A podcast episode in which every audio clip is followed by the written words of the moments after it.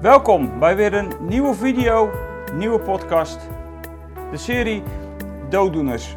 En ik heb vandaag weer een dooddoener voor je. Tenminste, een dooddoener. Ja, ik denk wel dat het een dooddoener is. Ik twijfelde een beetje of het gewoon niet uh, kritisch naar een bepaalde houding kijken was of zo. Maar het is een dooddoener. Dat weet ik ondertussen wel zeker nadat ik er een poosje over heb na zitten denken. En het een en ander heb zitten nalezen erover. Dooddoeners. En de dooddoener voor deze keer is de dooddoener. Je mag niet oordelen. Of als je hem iets liever wil verwoord hebben, zou je kunnen zeggen iets van, uh, maar laten wij er maar geen oordeel over hebben. En dat is dan bijvoorbeeld in een situatie dat je ja, over iets nadenkt en vervolgens dan zegt, ja, maar laten wij er nou maar geen oordeel over hebben, want wie zijn wij? We mogen immers niet oordelen. Nou, daar wil ik het over hebben met je, want het is een, een, zinnetje, het is een uitspraak die je tegenwoordig zo vaak hoort en dat je er bijna door in verwarring raakt. Want mag je dan nergens meer wat van vinden? Want overal waar je wat van vindt, dan zou je oordelen. Mijn naam is Theo de Koning van eindeloosgelukkig.nl en bij Eindeloos Gelukkig hebben we het grote verlangen elke discipel tot een volgeling van Jezus te maken die het koninkrijk van hem in deze wereld brengt. En dan snap je, daar heeft dit thema natuurlijk ook wel alles mee te maken. Want mag je dan als discipel van Jezus geen oordeel hebben over alles wat er in deze wereld gebeurt? En zelfs als mensen een levensstijl erop nahouden of een levenspraktijk hebben die haak staat op het woord van God. Mag je dan geen oordeel hebben? En de tekst die we daar heel vaak bij gebruiken en die te pas en te onpas om je oren vliegt, is de tekst natuurlijk van oordeel niet opdat jij niet geoordeeld zult worden. Een tekst uit Lucas 6 bijvoorbeeld, hij staat ook in Matthäus. Oordeel niet. Want anders word jij ook geoordeeld. En dan wordt er gelijk het beeld van die splinter en die balk natuurlijk bijgehaald. En het is allemaal waar. Natuurlijk klopt het helemaal dat als wij oordelen, dat je altijd moet blijven beseffen, maar ik ben ook niet volmaakt. En misschien heb ik inderdaad wel een balk in mijn oog. En die ander alleen maar een splinter. Maar wil dat dan zeggen dat je nergens een mening over mag hebben? En wil dat dan ook zeggen dat je in de christelijke gemeente alles maar moet laten voor wat het is? En ieder zijn eigen vrije keuze maar moet laten. Daar zit ook iets heel hards in. De ander vrijlaten in wat hij doet of niet doet. En daar niks meer van vinden. Dat is wel een beetje de cultuur waarin we natuurlijk leven. We vinden nergens meer wat van, want zodra dat we ergens wat van vinden, ja, dan, dan laat je die ander toch niet vrij. En wij hoeven toch niet te oordelen? Nou, dat is nog maar de vraag. En ik zat erover na te denken in welke situaties je deze dingen tegenkomt. Nou, een van de dingen waar je het in tegenkomt, denk ik. Um, nou ja, gewoon je denkt over een thema na. Uh, en hoe, wat vindt God er dan van? En je praat er met elkaar eens over. En dan wordt er al snel gezegd van ja, laten wij daar nou maar geen oordeel over hebben. Of je zit in een intervisie en ook soms in de pastoraat doen we een intervisie met elkaar. dan hoor ik hem nog wel eens. En dan zit ik met een hele lastige casus waarin dingen gebeuren waarvan ik denk van ja, wat moet ik hier nu mee? En je overlegt het met collega's of mensen uit je pastorale team. En dan zeggen ze tegen je van ja, maar wij hoeven niet te oordelen. Maar ja, voel je aan dat die af en toe heel lastig kan zijn, dan moet je dan iets laten bestaan wat niet goed is. Nou, laten we eerst dan maar kijken naar het gedeelte waarin Jezus het heeft over dat niet oordelen. En dat niet oordelen, die tekst die komt voor in Lucas 6. Nou, dat is ook het verhaal van die balk. Nou, wat ik nou het allerbelangrijkste vind, is dat we ook het gedeelte ervoor lezen. Want weet je wat ons probleem een beetje is? Wij hebben onze Bijbel opgeknipt. Opgeknipt in hoofdstukken. En die hoofdstukken hebben we dan weer onderverdeeld in allemaal subhoofdstukjes. Met van die subkopjes ertussen. Nou, dat is in de ene Bijbel wat erger gemaakt dan de ander. Ik merk dat de MBV er bijvoorbeeld voor kiest om heel veel subkopjes weg te laten. Waarvoor de, waardoor de MBV dan ook wel weer de kritiek krijgt dat het daardoor minder leesbaar zou zijn. En dat het van die grote lappen tekst zijn. Maar als je bijvoorbeeld herziende statenvertaling kijkt, die is helemaal onderverdeeld in allemaal van die kopjes. En het aparte van het verhaal is dat daar dan precies zo'n kopje staat. Over splinter en balk staat daar dan boven. En dan is de eerste dat je niet mag oordelen. Het gevolg is dat je bijna denkt dat het daar over een nieuw gedeelte gaat. Maar eigenlijk zou je Lucas 6 moeten lezen vanaf vers 24. Lucas 6 en ik lees hem met je vanaf vers 24. Maar Oh, dat is niet helemaal goed wat ik nu zeg. Lucas, 7, Lucas 6, vers 27. 24 is het laatste W, wat hij nog uitspreekt. Maar dan heeft hij tegen allemaal mensen gesproken die, die dwars staan, die haak staan op Jezus. Niet de discipelen, dat zijn de weeën nog. En dan vers 27, Lucas 6, vers 27. Tegen jullie die naar mij luisteren, zeg ik, heb je vijanden lief. Wees goed voor wie jullie haten. Zegen wie jullie vervloeken en bid voor wie jullie slecht behandelen. Als iemand je op de wang slaat, bied hem ook de andere wang aan.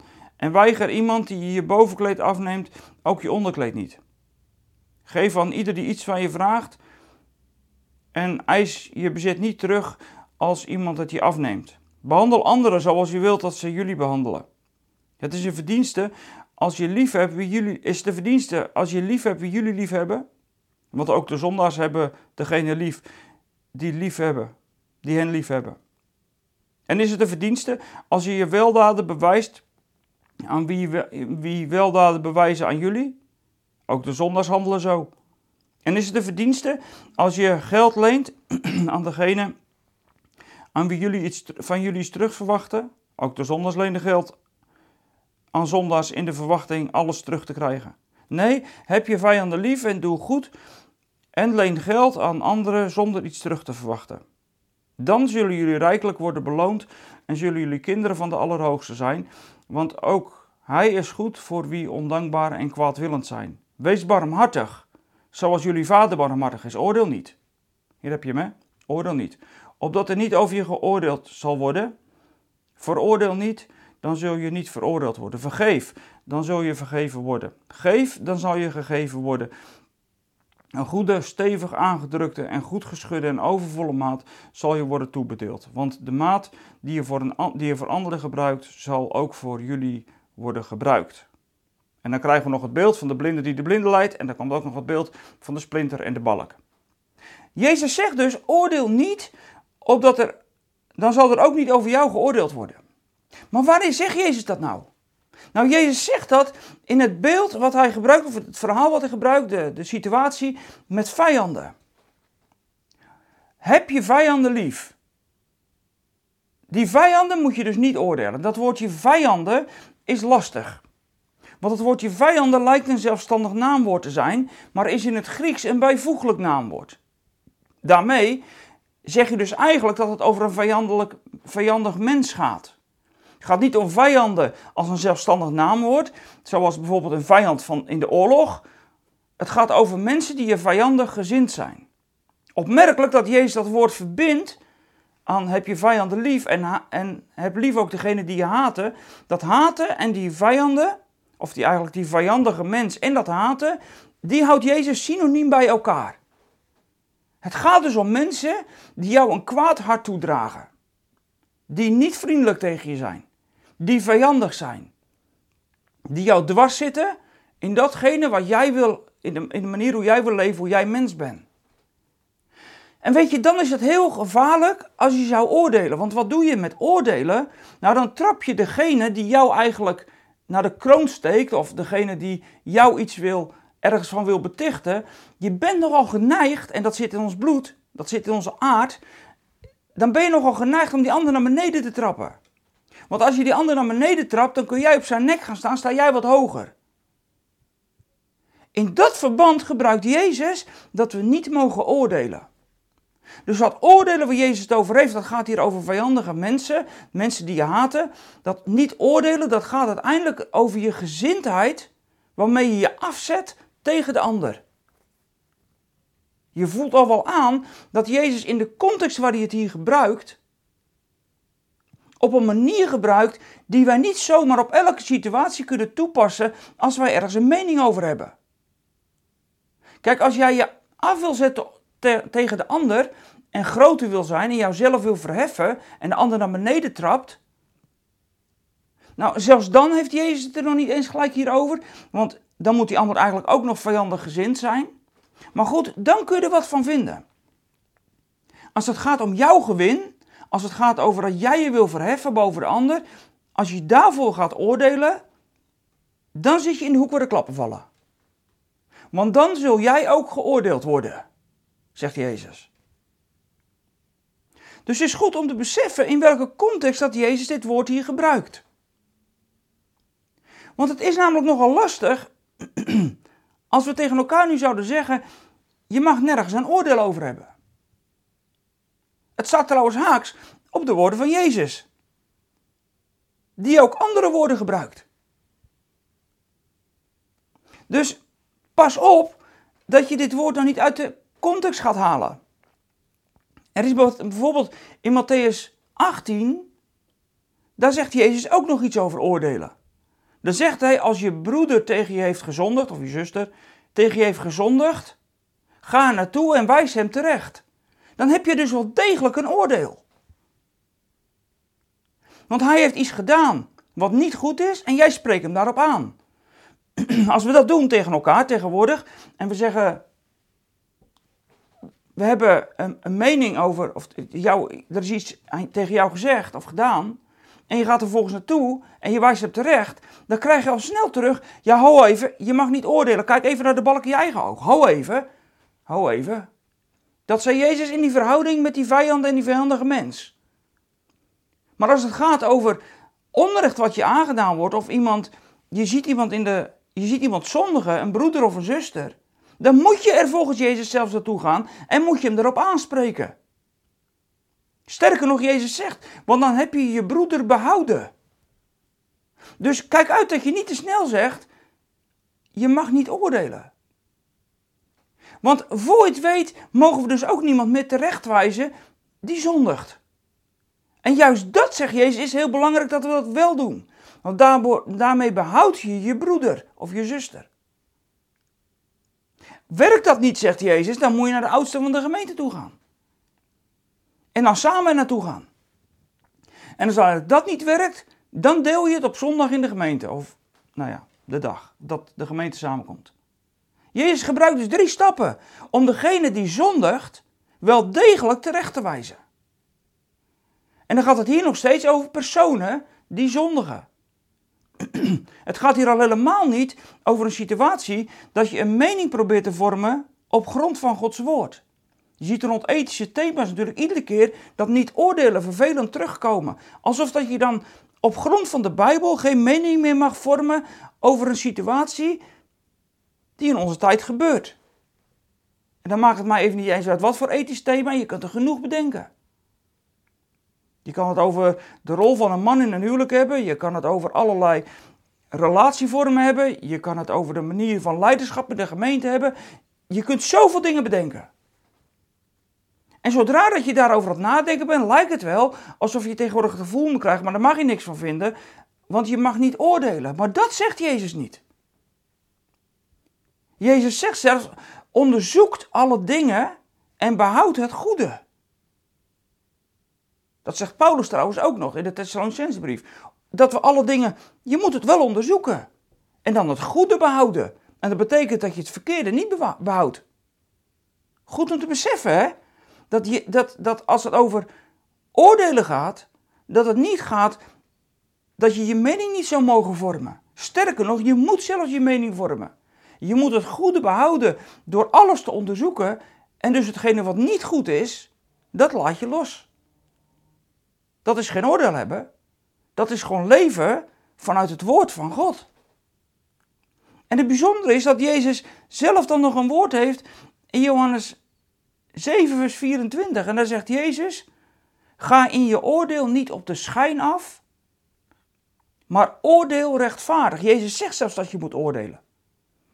Dat gedeelte uit Johannes 7, vers 24, dat gaat in de situatie dat Jezus op allerlei manieren door de fariseeën weer wordt aangevallen. Op zijn woorden. Ze vinden wat van hem. Zijn woorden en zijn daden die staan natuurlijk haaks op wat die fariseeën allemaal wilden. En, maar het gaat daar vooral om zijn woorden. Hij preekt nogal in Johannes 7 en ook Johannes 8. Dat is een heel ingewikkeld hoofdstuk. Waar het gaat over dat ze daar vinden dat ze kinderen van Abraham zijn. Van alles. En dan zegt Jezus dat je dat ze hun oordeel niet moeten hebben op basis van wat, ze, wat de schijn is. Dus kijk niet naar de buitenkant, kijk niet wat je denkt dat je ziet, maar oordeel rechtvaardig. Rechtvaardig heeft te maken met recht. En voornamelijk met het recht, met Gods recht natuurlijk. Dus oordelen, rechtvaardig oordelen kun je alleen maar doen op basis van feiten. Zo werkt dat in de rechtspraak. Je mag wel een oordeel hebben, maar dan moet je het wel rechtvaardig doen. Dus niet maar alleen maar op het gevoel van, nou diegene mag mij toch niet, dus ik vind er dit of dat of dat van. Dan is het verkeerd oordelen. Ja, dat klopt. Dan is het verkeerd oordelen. Maar op basis van feiten mag je wel degelijk oordelen, zegt Jezus. Oordeel rechtvaardig. En dat is niet om die ander de grond in te trappen, maar dat heeft twee kanten. Dat heeft aan de ene kant de kant van je moet recht doen aan het recht. Dus wat God ergens van vindt, daar moet je ook recht aan doen. En ik mag toch hopen dat onze rechtspraak afgeleid is van datgene waarvan God zegt: dit is recht. En daarom zijn die tien geboden natuurlijk universeel en die zijn in de mensheid ingeslepen. Daarom is het recht, de rechtspraak, heel erg afgeleid natuurlijk van die tien woorden. Niet doodslaan, nou, noem allemaal maar op. Dus dat is de ene kant. Je moet rechtvaardig oordelen, zodat er recht wordt gedaan op aarde. En tegelijkertijd betekent het ook, als je op die manier rechtvaardig oordeelt en iemand valt inderdaad in zonde, dan corrigeer je hem dus, zodat je hem zult behouden. En dat geldt natuurlijk in de gemeente dan net zo. Daarom kom je in de brieven van de apostelen nogal het een en ander hierover tegen. In Hebreeën 5, vers 14 bijvoorbeeld, je moet als volwassen gelovige onderscheid maken tussen goed en kwaad. Op het moment dat jij volwassen bent geworden in je geloof, dan is er één ding heel erg belangrijk. Dat je daardoor onderscheid kunt aanbrengen tussen wat goed is en wat kwaad is. Volwassen gelovigen kunnen op grond van wat ze lezen in de Bijbel en op grond van waar de geest hen leidt, dat onderscheid aanbrengen. En dat is goed. Je moet, aan, je moet onderscheid aanbrengen tussen goed en kwaad. Dat is niet iemand veroordelen, maar het gaat over Gods recht. En dan in Galaten 6, vers 1, en dan is Paulus helemaal duidelijk. Galaten 6, vers 1, daar staat dan: Broeders en zusters, wanneer u merkt dat een van u een misstap heeft begaan, moet u, die door de geest, moet u die door de geest geleid wordt, hem zachtmoedig weer in het rechte pad brengen. Dus op het moment dat iemand in zonde leeft, dan moet je hem op een zachtmoedige manier, en dat oordeel is dus niet zachtmoedig, dat uit Lucas 6, dat is hard, dat is de ander naar beneden trappen, maar het gaat hier om zachtmoedig terecht te wijzen. Dan is hij nog niet klaar, want dan zegt hij, en pas op dat u ook zelf niet door misstappen wordt verleid. Dus dat, die splinter in die balk, die is Paulus helemaal niet vergeten. Hè? Paulus zegt zelfs, pas op. Want ook zelf blijf je gewoon een mens die zomaar verleid kan worden tot misstappen. Maar als iemand gezondigd heeft, wijs hem terecht. Breng hem terug op het rechte spoor. Dus iemand met een zondige levensstijl die haak staat op het woord van God, dan moet je zelfs iets mee. Daarvan kun je niet zeggen dat laten we maar gebeuren. Weet je, dat gevoel van we laten iedereen vrij in wat hij doet, dat is ook een angstcultuur geworden.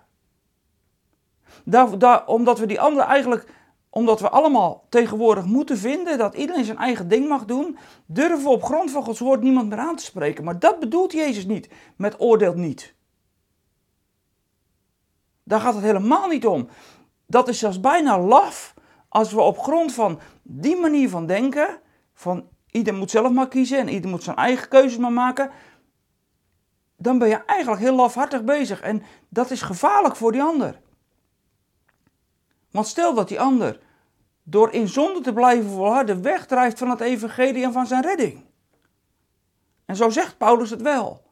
Dan krijg je natuurlijk discussie, kan iemand afvallen van het geloof? Dat geloof ik niet. Maar ja, er zitten ook gewoon van die situaties waar het ook wel lastig geworden is. Omdat iemand misschien wel helemaal nog niet oprecht gelooft, terwijl dat je dat misschien wel dacht. Dus dat, wees wel scherp of als iemand begint af te drijven van de waarheid. Sta op. En weet je, dan, uh, dan gaat het hier dus al helemaal niet over de situatie dat je je probeert je visie te ontwikkelen op wat God over een bepaalde situatie in onze tijd, wat God daarvan vindt. Dat moeten we zelfs doen. Zelfs als dat helemaal niets te maken heeft met jouw concrete leven, maar je wilt wel als christen een visie hebben op de thema's die op dit moment spelen. Dan, gaat het niet, dan ben je niet aan het oordelen. Want daar zit geen mens tussen. En ook als je met iemand een casus bespreekt, en soms moet het gewoon. Weet je, ik vind sommige dingen ook heel lastig. En dan heel vaak bespreek ik het met een collega. Omdat ik gewoon op grond van de Bijbel er soms ook niet helemaal uitkom. En ik ook gewoon mijn advies nodig heb. En doe het dan gewoon anoniem. Dat is dan nog het allerbeste. En als je die persoon allebei kent en ik heb allebei die zorg. Nou, voordat je dat gesprek dan aangaat, is het goed om dan wel op elkaar afgestemd te zijn.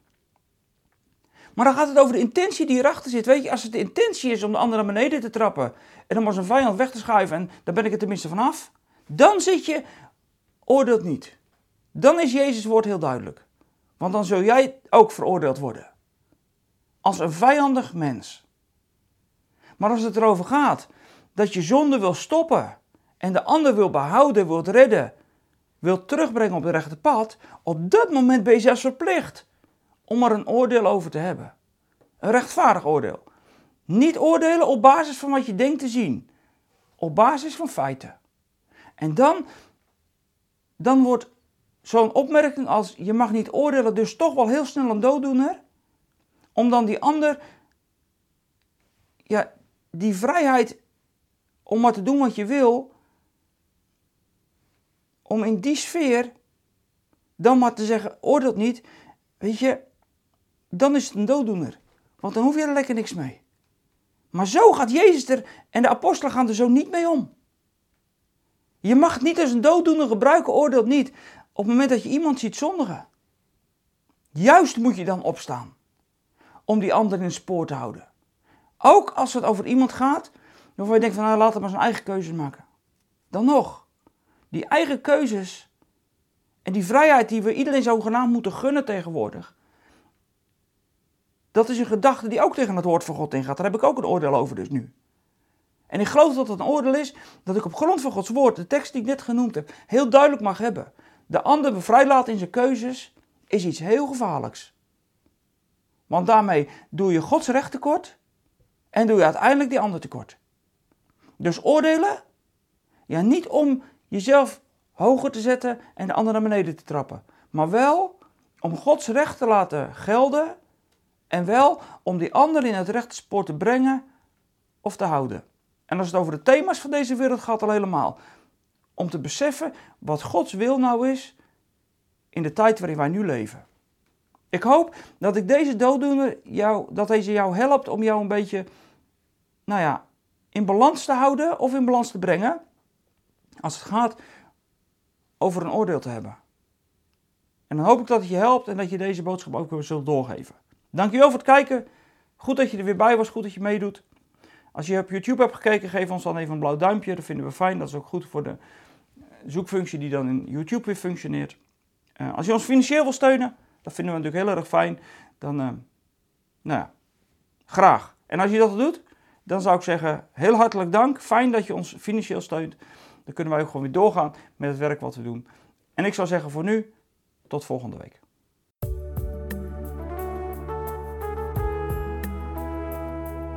Zijn er weer aan het einde van deze podcast. Spreken deze podcast je aan en wil je ons met de gift ondersteunen? Kijk dan voor meer informatie op www.eindeloosgelukkig.nl/podcast.